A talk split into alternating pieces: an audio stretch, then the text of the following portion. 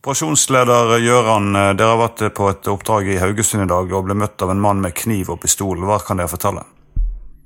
Ja, det var en politipatrulje som var på, på adressen en leilighet sentrumsnært for å gi et pålegg til den som bodde der om å dempe musikken. Og eh, når de kommer til stedet, så kommer den som bor der, en mann i 40-årene ut. og Da har han en kniv og en pistol i hånden, og han blir pågrepet.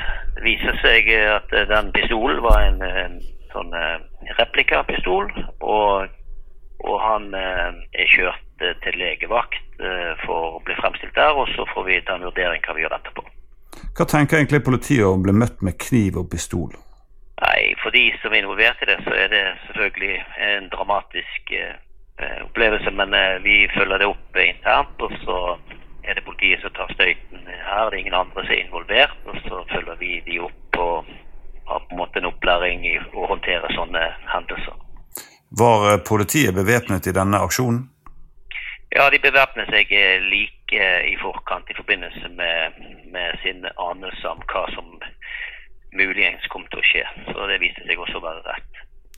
Eh, viser denne episoden egentlig at politiet bør ha bevæpning i fulltid?